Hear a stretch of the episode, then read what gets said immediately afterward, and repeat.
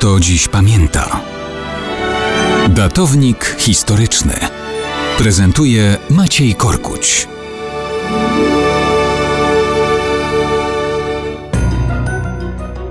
Mało kto dziś pamięta, że 18 listopada 1881 roku został w Paryżu otwarty kabaret Le Chat Noir, czyli kabaret Czarny Kot. Trochę czasu minęło, więc nie ma już między nami nikogo, kto by uczęszczał na takie widowiska w Le Chat Noir. Jednak ci, którzy bywali w Paryżu w sklepach z pamiątkami, z pewnością kojarzą sprzedawany pod różnymi postaciami rysunek czarnego kota z ostrym spojrzeniem na żółtym tle, z czerwoną podstawą, na której widnieje nazwisko założyciela kabaretu Rudolfa Salisa. To kopie słynnego plakatu owego kabaretu, które dzisiaj sprzedawane są jako reprodukcje na papierze, na blachach, na breloczkach, pudełkach, szklankach, a nawet na podstawkach pod gotowane jajko. To ostatnie zresztą sam nabyłem podczas pobytu na Montmartre. Kabaret funkcjonował przez kilkanaście lat, otoczony legendą może przypominającą połączenie zielonego balonika z piwnicą pod baranami,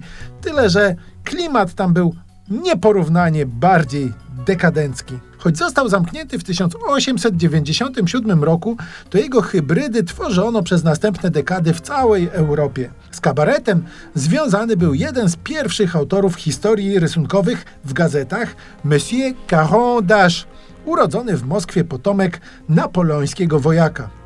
W kabarecie gościł m.in. Claude Debussy, Swoje czarne poezje przy akompaniamencie fortepianu recytował tam Maurice Rolina. Wiało z nich owym dekadenckim horrorem, śmiertelnością i rozkładem. Pojawiał się tam m.in. August Strindberg w czasie, kiedy był w Paryżu, a także znany z plakatu Toulouse-Lautreca człowiek w czerwonym szaliku Aristide Bruant, piosenkarz i komediant, ulubieniec ulicznic i rzezimieszków, który wkrótce sam założył kabaret. Wszystkie te klimaty możecie Państwo dostrzec w złowieszczym spojrzeniu czarnego kota z żółtego plakatu.